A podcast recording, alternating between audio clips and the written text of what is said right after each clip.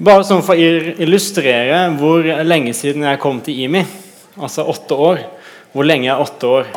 Og Da skal jeg illustrere det med to ting. Det ene er at når jeg kom for åtte, åtte år siden, så var det forbudt å plante menighet i IMI. Og for det andre så hadde Egil Elling han hadde lite hår på toppen og langt ved ørene. Nå er det motsatt. Jeg kunne dratt en lik sammenligning med Thomas, men jeg skal ikke gjøre det. Så åtte år. Det har vært åtte fantastiske år. Og um, dette går jo sånn spesielt til uh, folk som har stått nær og staben, men det har vært utrolig fine år, og jeg er supertakknemlig for det som jeg har fått her. Så dere må få høre det. Jeg bare begynner med å be en bønn. Kjære Hellige Ånd, takk for at du er her sammen med oss nå. Nå ber vi om at du skal eh, åpenbare for oss i enda større grad hvem du er, Gud. Må du åpne våre hjerter, så vi kan ta imot ditt ord. Amen. Hvis vi skal skrelle av lag for lag med kristendommen og prøve å komme inn til kjernen, til sentrum, det som er det viktigste, eller hvis vi skal prøve å komme fram til hva som virkelig er det radikale med kristen tro, hva er det vi finner da? Profetene i Gammeltestamentet de så fram i den tiden skulle komme, i den nye pakt, og det som skulle være sentrum i den nye pakt, det som skulle være det viktigste, det sentrale. Og profeten Jeremia han sier men dette er den pakten jeg vil slutte med Israels hus i dager som kommer, sier Herren. Jeg legger min lov i deres sinn, og jeg skriver den i deres hjerte, og jeg skal være deres Gud, og de skal være mitt folk. Da skal ingen lenger undervise sin neste og sin bror og si 'Kjenn Herren', for de skal alle kjenne meg, både små og store, sier Herren. For jeg vil tilgi skylden deres og ikke lenger huske synden. Ingen skal si 'kjenn Herren', for alle skal kjenne Herren. Det er det virkelig radikale ved kristen tro. At nå skal ikke lenger bare profetene eller yppersteprestene kjenne Herren, men alle skal kjenne Herren, store og små. På dette punktet her så er kristendommen milevis fra de andre religionene. En ting vil de kanskje si at, at vi skal liksom kjempe oss til å bli akseptert hos Gud, men at vi skal av nåde kunne kalle oss Guds venner. At vi av nåde skal være Guds barn og kjenne Gud. Det er egentlig helt sprøtt når jeg tenker over det. Paulus han sier det i Efeserne 3,17. Jeg ber om at vår Herre Jesu Kristi Gud, herlighetens Far, må la dere få en ånd som gir visdom og åpenbaring, så dere lærer Gud å kjenne. Paulus ber om at vi skal lære Gud å kjenne. Hører dere hvor radikalt faktisk det er? Det er helt vanvittig. Og Det som er en del av det som gjør det så utrolig spesielt, er at det handler ikke om hvordan mitt eller ditt liv ser ut, om det er rotete eller ryddig så er det ikke det Gud tar utgangspunkt i når han kaller oss til å ha vennskap med han. Fordi han tar utgangspunkt i hvem han er, og det han har gjort. Og da blir det likt for alle. Så uansett så stiller vi alle likt når Gud kaller oss til å ha vennskap med han.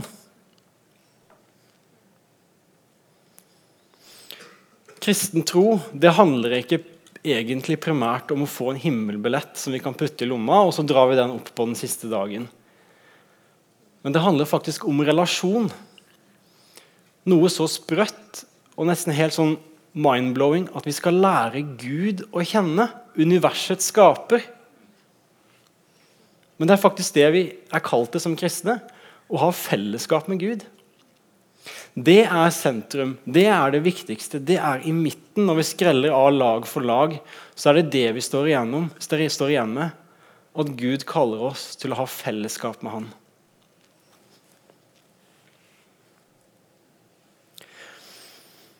Hvis du har vokst opp i kirka sånn som jeg har gjort, så har du kanskje hørt noen andakter om måter å bli kjent med Gud på. Og Da kan vi ofte snakke om de fire b-ene. har kanskje noen av dere hørt. På leir, kanskje til og med. Bønn, brødsbrytelse, brorskap og Bibel. Og Brorskap det er altså et annet ord for det kristne fellesskap, og brødsbrytelse det er nattværen. Dette er ment til å være fire kilder for å nettopp lære Gud bedre å kjenne og få å ha et vennskap med Han. Men jeg må innrømme det at, at ganske ofte så syns jeg at disse som skal være fire kilder til vennskapet med Gud, det kan være ganske vanskelige greier. Jeg syns ofte Bibelen og bønn det er vanskelig å få til. Det er kinkig. Og jeg kan ofte finne på å si at jeg har ikke tid til det. Se for deg en, en fabrikk. En såpefabrikk. De har fantastiske lokaler. De har de nyeste maskinene. De har lederkurs for de ansatte. De har egne folk som jobber for, jobber for, å få tak på unge talenter og få dem til å vokse og ta ansvar. De har til og med de beste brukermanualene for maskinene. Men det er én ting som er problemet med denne fabrikken. Det er at de syns det er vanskelig å lage såpe.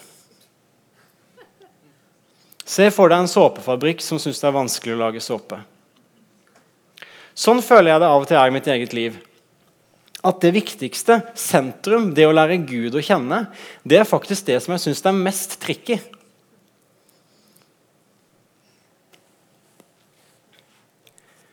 Og så er det slik etter å ha kjent flere enn meg sjøl en del år nå, så er det ikke bare jeg som syns dette med bønn og Bibel er vanskelig. De, det som er ment til å være arenaer, kilder til å lære Gud å kjenne, det syns vi er vanskelig. Jeg vet ikke hvor mange eh, bibelgrupper jeg har sittet i og enten hørt meg sjøl eller andre si ja, nei, eh, Det der med bønn og bibel det er ikke så mye akkurat nå for tida. Men um, jeg har tenkt eh, onsdag neste uke da, jeg har tenkt jeg å gå i gang igjen da med å lese Bibelen. Eh, så um, Jeg har ikke tid til det akkurat nå, men jeg regner med det kommer eh, en tid da jeg, jeg får tid til det. Det, det. det, er veldig ofte sånn vi, vi beskriver det. Men hva er det egentlig som ligger under der når vi sier det? For hvis det er sånn at, at, at det som er sentrum i kristentroa, det er det vi sliter mest med, så bør vi kanskje ha noen lamper som blinker. Fabrikkledelsen de bør kanskje dra i fløyta si stopp. Nå må vi sette oss ned og faktisk finne ut av dette som er det viktigste med hele fabrikken. Vi må bli gode til å lage såpe.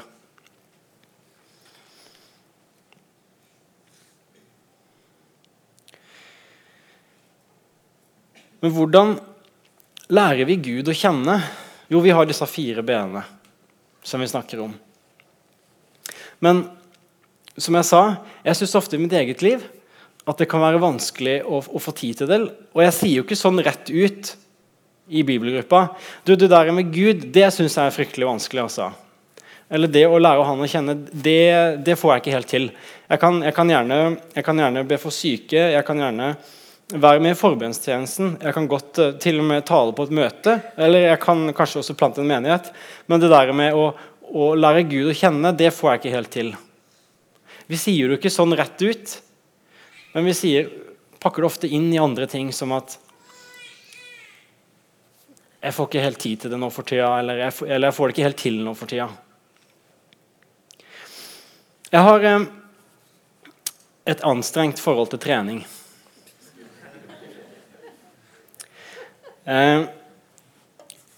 Jeg har til og med sjekka opp, og jeg visste de meste fra før av de helsemessige fordelene ved å trene. Um, jeg skal si det til dere nå. Bedre hjerte- og lungefunksjon, mindre sjanse for hjerte- og karsykdommer, slitasjeleddgikt, lungekreft, beinskjørhet, demens, parkinson, kols og astma. Og sterkere benvev, sener og bånd, større konsentrasjon og arbeidsevne, bedre immunforsvar, bedre balanse, bedre leddfunksjon og bevegelighet, bedre søvn og bedre psykisk helse. Jeg visste det meste av det her fra før men likevel så uh, må jeg si rett ut at jeg ikke trener regelmessig. Uh, så det er jo veldig ty Jeg hører jo det jeg nettopp leste, alt dette positive, men det er tydeligvis en veldig mismatch i mitt liv mellom uh, idealet og praksis, altså, eller holdning og praksis. Det er veldig forskjell her i mitt liv når det gjelder trening. Uh, Eh, jeg pleier ofte å si at jeg ikke har tid til, å trene. Det sier jeg ganske ofte. Det, får jeg ikke helt tid til. I hvert fall ikke regelmessig. Og jeg, jeg, kunne jo ha spurt her hvor mange visste alle de helsemessige fordelene. Og så kunne jeg ha spurt hvor mange her trener regelmessig. Og da mener jeg ikke sånn tre ganger i uka første uka i januar. Men da mener jeg liksom sånn regelmessig. Men jeg skal ikke gjøre det. En ting jeg har lagt merke til med folk som faktisk trener regelmessig, det er at de liker å trene. Jeg vet ikke om dere har sett det samme. De sier at de, de føler seg forfriska etterpå når de er ferdig. De sier at de syns det er deilig å kjenne hva kroppen kan yte. Ehm, eh, de sier at det er inspirerende å, og, liksom, å få nye perstider og sånne ting. Og til og med på en måte dette at det er vondt i lår og legger og sånn etterpå, det på en måte syns de er nesten en god følelse. Eh, alle de tinga der har jeg aldri opplevd.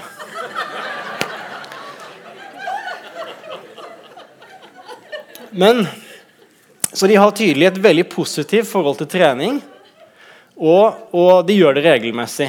Og det virker som at det går ganske greit for dem å gjøre det regelmessig. Eh, mens for meg så er det en kontinuerlig kamp eh, å få dette her til. Og så er spørsmålet er det noen av de samme mekanismene som skjer i mitt eget gudsliv? Jeg har jo, som dere, også hørt mange undervisninger eller prekener om, om alt det viktige og gode og riktige ved å bruke tid med Gud. Og Likevel så sier jeg så ofte at jeg ikke har tid til det. Og det er jo fryktelig rart at det skal være sånn. Altså, Jeg kunne jo, jeg kunne jo sagt det at um, Eller få ta et annet bilde da, med, jeg, har, jeg, har, en veldig god relasjon med kona mi, men vi, vi, vi har aldri tid til å treffes. Eh, vi snakker nesten aldri sammen, men relasjonen den er god. Ikke sant? Og Sånn er det egentlig også litt med Gud. Ofte så snakker vi som om, det, om vi, vi, vi, ikke har tid til det, eller vi får det ikke helt til. Og det, det her er jo ikke noe, noe, pekefinger i det hele tatt, for nå snakker jeg egentlig ut ifra mitt eget liv her. Men hvorfor er det sånn? Og jeg lurer på om det er noen av de samme mekanismene som, som eh, skjer når jeg eh, eh, prøver å trene ikke får det til. Eh, og dette med gudsrelasjonen. Jeg har jo prøvd ulike treningsmetoder. Jeg har prøvd eh, langkjøring, kortkjøring, intervall og til og med kjøpt en pulsklokke for å liksom prøve å se om det er noe med metoden som gjør at jeg ikke får dette her til. Og ofte eh, Jeg kan avsløre, det hjelper ikke.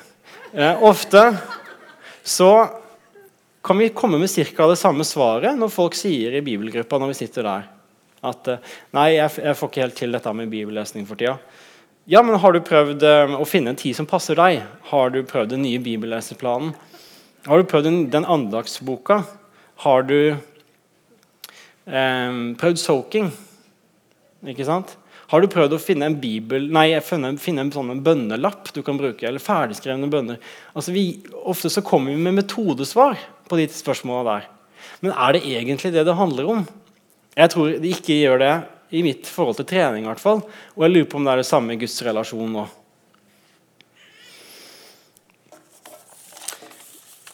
Altså, klart, Kanskje i noen tilfeller så handler det om metode, men jeg tror i det store og det hele så, så, er det kanskje ikke det det først og fremst handler om. Og Heldigvis så er ikke dette et nytt fenomen, det jeg snakker om nå. Men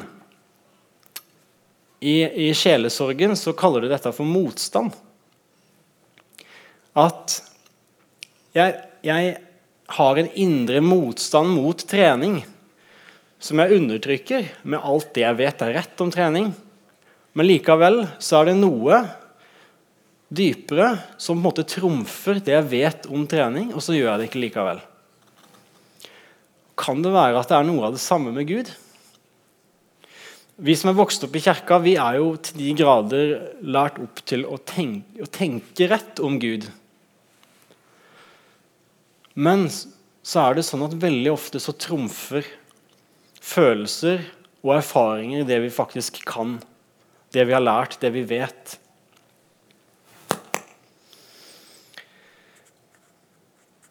Er det mulig at når vi sier at vi ikke vil ha tid, så handler det om et ubevisst bilde av Gud som representerer en Gud vi egentlig ikke har lyst til å være med? Kan det være? Hvis vi, kan, hvis vi sier at bønn og Bibel egentlig handler om å komme Gud nær, og trå ham nær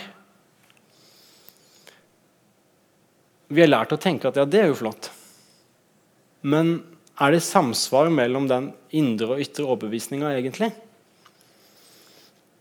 Et grunnleggende spørsmål som vi kan stille oss da, er er Gud god? I, i, på, på, på G11-gudstjenesten så sa Martin det Jeg husker ikke akkurat konteksten egentlig når han sa det, men han sa i hvert fall et eller annet sånt som at folk, folk der ute de er i tvil om Gud er god. Og når han sa det, så tenkte jeg på det at og det er egentlig det vi kan si at det er, Hva er det å være en synder? Jo, det er å være en person som, som har et splitta gudsbilde. Som er grunnleggende i tvil om det er sant at Gud er god. I Edens hage så var det nettopp det djevelen gjorde. Han sådde tvil om at Gud snakka sant, at Gud var troverdig, at han var til å stole på. Og det sitter i oss den dag i dag. På den ene siden så er det noe uimotståelig tiltrekkende med Gud. Vi, vi, har lyst til å ha noe med han å gjøre. Hans grensesprengende godhet. Samtidig så er vi i tvil om kan jeg egentlig stole på han. Hvis jeg hadde sagt, eller nå sier jeg det jo, at Gud sitter i naborommet her nå Han sitter på en stol der inne, og hvis du vil, så kan du gå inn til han og snakke med han. Kjenn etter på en måte hva slags følelser hva slags tanker er det som på en måte kommer opp i oss da. Er det skremmende? Jeg kan aldri tenke meg det. Eller det høres jo helt fantastisk ut. Eller nei, det tør jeg ikke, for jeg vet jo ikke hva jeg skulle sagt. Tenk etter, hva, hvordan, hadde det, hvordan hadde det kjentes ut for deg sjøl hvis du skulle gjort det? Jeg tror faktisk det er sånn at vårt gudsbilde kan hindre oss å komme Gud nær.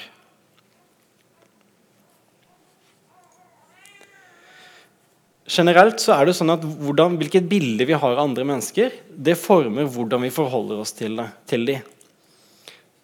Jeg har et visst bilde av Terje. Og det former hva jeg finner på jeg kan tenke at jeg kan snakke med han om, og hva jeg ikke kan snakke med han om. Eh, hvor mye jeg har lyst til å snakke med han, hvor lite. Om jeg i hele tatt har lyst til å være sammen med han. Det bildet, det inntrykket jeg har, det former hvordan jeg forholder meg til han. Og Sånn er det også med relasjonen vår til Gud.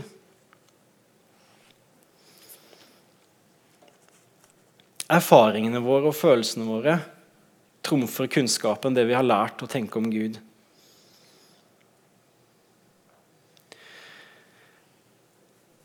Ofte så kan det være hendelser i livet, men kanskje enda oftere våre egne foreldre som har vært å skape det gudsbildet vi har eller den kristne tradisjonen vi er vokst opp i. Og Det gjør at vi tenker visse ting om Gud som gjør at det kan være ting vi har lært om Gud, eller kanskje ikke bevisst, men underbevisst har lært om Gud, som gjør at det er ukomfortabelt å skulle trå han nær.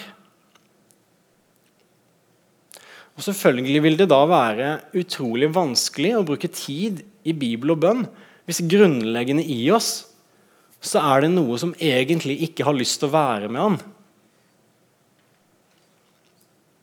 Vi sier jo ikke det sånn rett ut. 'Jeg har egentlig ikke lyst til å være med Gud.' Jeg. Men kan det være at det er det som er, noe, som er med og styrer oss litt på dette her?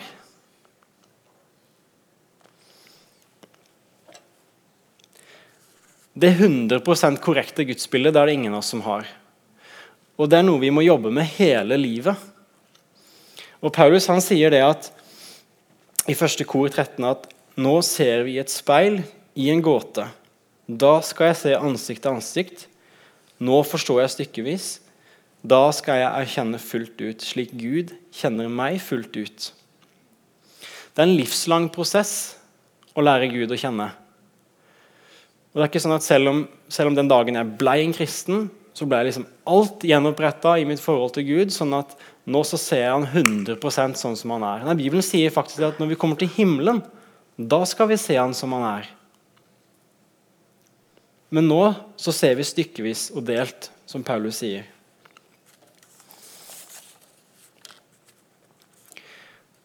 Så hvordan kan vi begynne å endre på gudsbildet vårt? Så Hvordan kan vi begynne å, å få vekk de bildene som faktisk hindrer oss i å trå Gud nær? Jeg tror at der har vi veldig mye hjelp i, i Bibelen. Vi lærer Gud å kjenne gjennom Bibelen, hva det står om han der, og ikke minst gjennom å se, Jesus, å se Jesus. Hvordan er det Bibelen framstår, frem, framstiller Jesus? Og så trenger vi kristne brødre og søstre og åndelige mødre og fedre som faktisk har gått noen skritt lenger, oss, lenger enn oss, og som har lært Gud å kjenne litt mer enn oss som er unge. For eksempel så kan jeg gå til en, en venn og så si det at du Jeg har lagt merke til det eh, når du eh, snakker om Gud, at du snakker nesten bare om ting du skal gjøre eller burde ha gjort for Gud. Kan det være en litt sånn underbevisst, underliggende gudsbilde her om at Gud egentlig er en arbeidsgiver som du må liksom, jobbe for at han skal bli glad? Hvis det er et underliggende gudsbilde, så vil jo det være med å styre veldig mye av hvordan vi forholder oss til ham.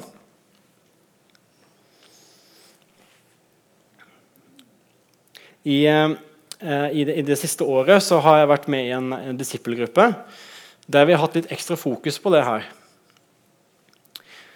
Og, og vi har sagt, stilt sånne spørsmål til hverandre. ok, Til neste gang så skal du være stille noen minutter og så skal du prøve å lytte til Hvis Gud var her nå, hva ville han sagt meg? Og Da er det veldig interessant å se hva, hva det forskjellige som, som, vi da hører. For det kan være kanskje et mønster at vi hører nesten bare ting vi skal gjøre fra Gud når vi lytter. Eller ting vi burde ha gjort. Og Det sier kanskje noe om et gudsbilde under der som er ganske styrende. Og ved å snakke om det, ved å speile hverandre på du, Jeg hører det når, når, eh, når du snakka nå. Så, så, var Gud veldig sånn eller sånn. Hva, tenk, hva tenker du om det?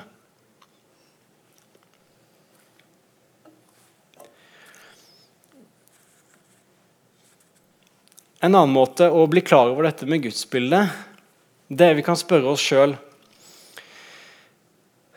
En evighet sammen med Gud, hva tenker han det?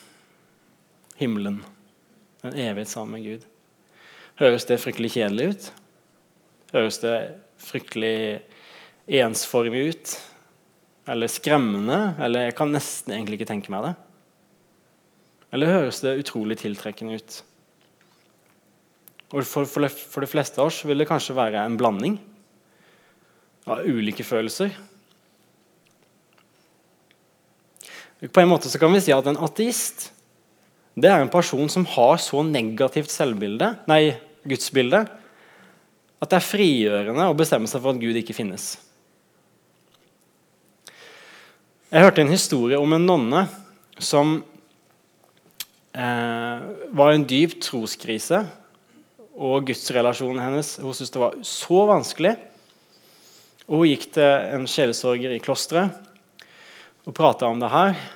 Og så Etter flere samtaler så plutselig så brøt hun ut i jubel og dansa.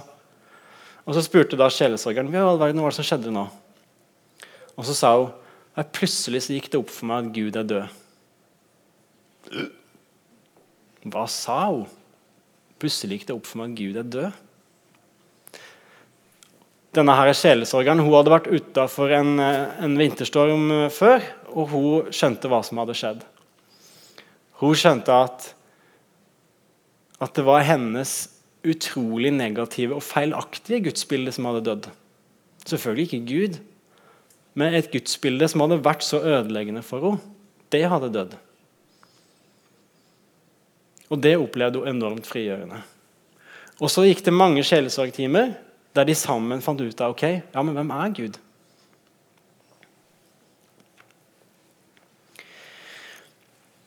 En annen ting som kan hindre oss i å komme Gud nær, det er vårt eget selvbilde. Og hva mener jeg med det? Jo, at vi er grunnleggende usikre på er jeg verd å elske. Ønsker Gud å være sammen med meg? Kan jeg komme som jeg er? Kan jeg komme framfor Gud med det som faktisk plager meg? Kan jeg komme som et menneske, eller må jeg ta på meg en viss sånn åndelig drakt?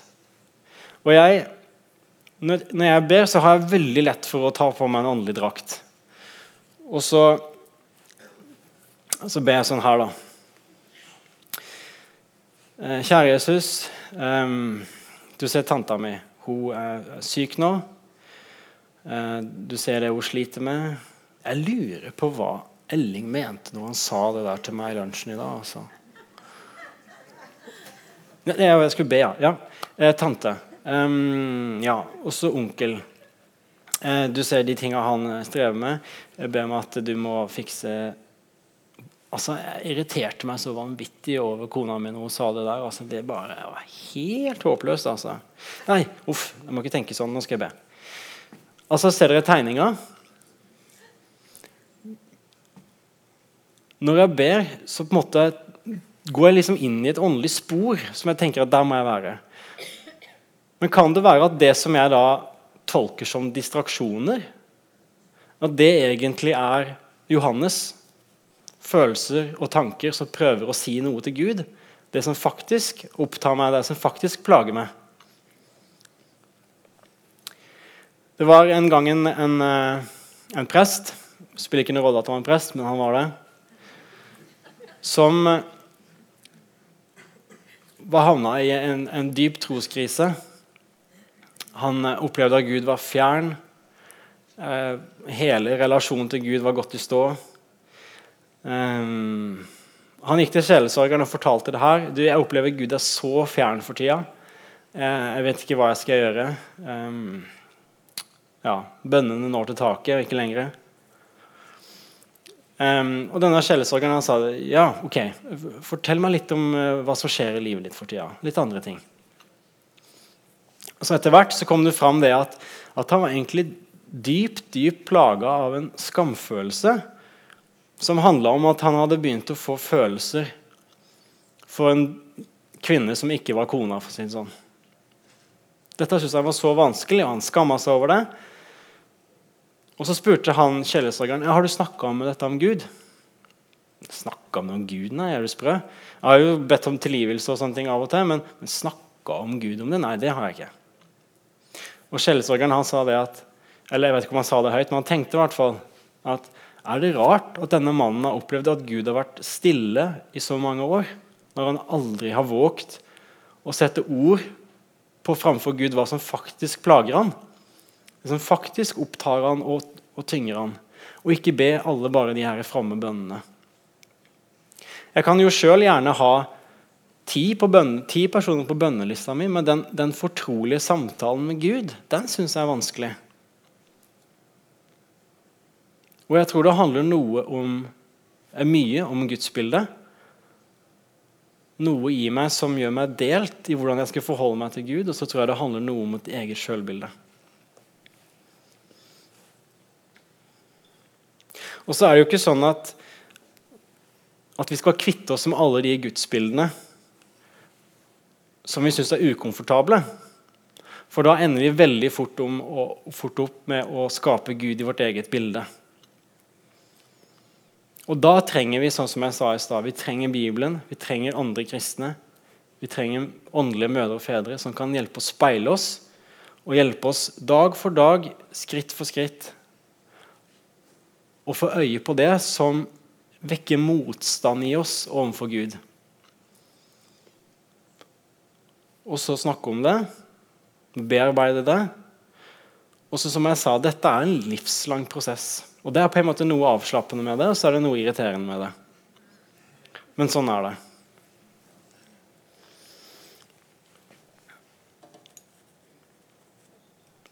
Kristen tro, livet som kristen, det handler om å lære Gud bedre å kjenne og tro Han nær og komme Han nær.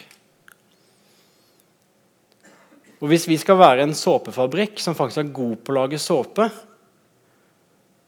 Og hvis jeg i mitt eget liv skal bli god på å lage såpe, hvis jeg skjønner, meg, skjønner bildet, så må jeg slippe det jeg har i hendene, og så må jeg sette meg ned og finne ut av det som faktisk er sentrum, og bli god på det som er sentrum i kristentroa. Dere husker kanskje historien om Martha og Maria. Eh, Martha hun føyk rundt i huset for å stelle for Jesus. Jesus var kommet på besøk og lagde mat. Og Maria hun bare satte seg ned med Jesus' føtter. Og det Jesus sier til henne, det er jo eh, sier til, han sier til Maria at hun har valgt en gode del, og det skal ikke tas fra henne. Og Så sier Jesus det at det er jo ikke det at det Martha gjør, at det er galt, men det er likevel noe som er viktigere. Og For to år siden så, gikk det opp for meg at enten så kan jeg fortsette å gå den evige runddansen med å prøve nye metoder Jeg snakker ikke om trening nå. Eller så må jeg stoppe opp stanse fabrikken på en måte, og så finne ut av hvordan gjør jeg det helt basic, det enkle. Jeg må finne ut av dette med sentrum, faktisk. Jeg kjenner meg veldig utfordra av det, og for to år siden så tenkte jeg at det her har jeg nødt til å komme til rette med. Og så har det ikke vært sånn at du bestemte meg for det, bam, så var det fint.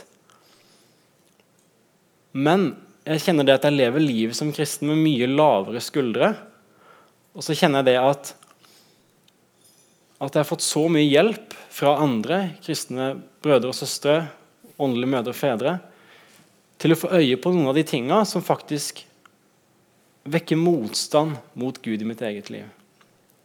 Og så, som jeg sa, Dette er en livslang prosess. Når jeg sier dette om at vi skal bli dyktige på sentrum, det viktigste, så kan det høres ut som at noe vi skal ta oss sammen og få til.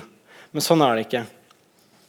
Paulus han sier det at i brev til romerne Dere har ikke fått den ånden som slaver har, så dere igjen skulle være redde.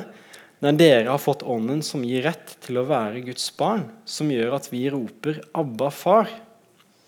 Ånden selv vitner sammen med vår ånd om at vi er Guds barn. Så Den hellige ånd den kommer oss i møte og hjelper oss til å kalle Gud far.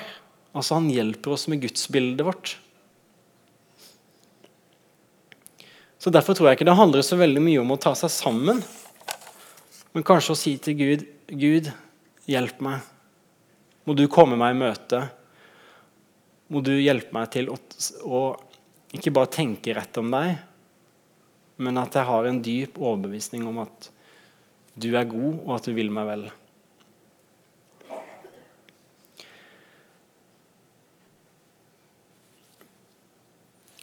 Jeg, til, jeg, kjenner meg sjøl utfordra, og jeg har lyst til å utfordre dere på å og så sette seg ned med Jesu føtter, hvis du kjenner det, truffet av det her. Og si det. 'Jesus, hjelp meg til å, til å lære deg å kjenne.' Og så er det Ånden som kommer oss i møte og viser oss hvem Gud er.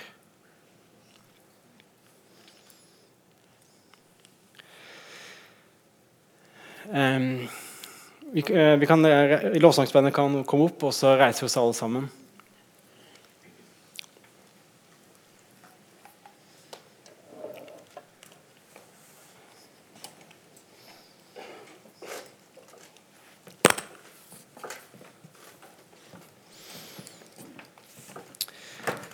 Kjære Gud, takk for at du lengter mye mer etter oss enn det vi lengter etter deg. Takk for at du kommer oss i møte. Du kommer oss faktisk løpende i møte. Og at du lengter mye mer enn oss til å vise hvem du er.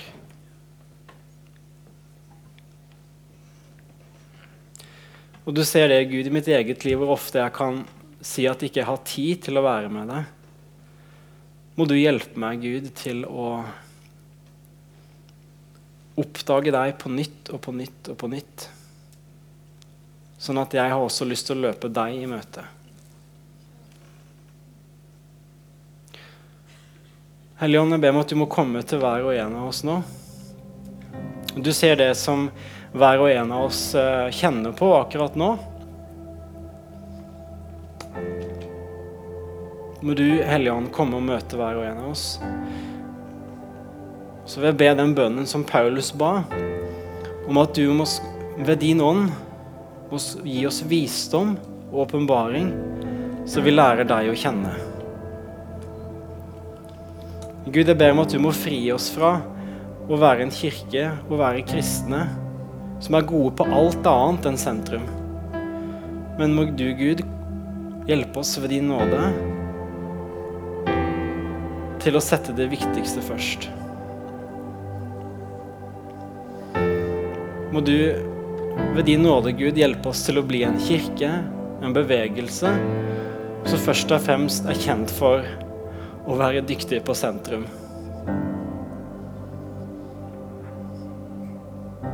Og så ber Gud om at du må gi oss frimodighet til å kanskje slippe noen ting vi har i hendene, så vi kan sette oss ned med dine føtter.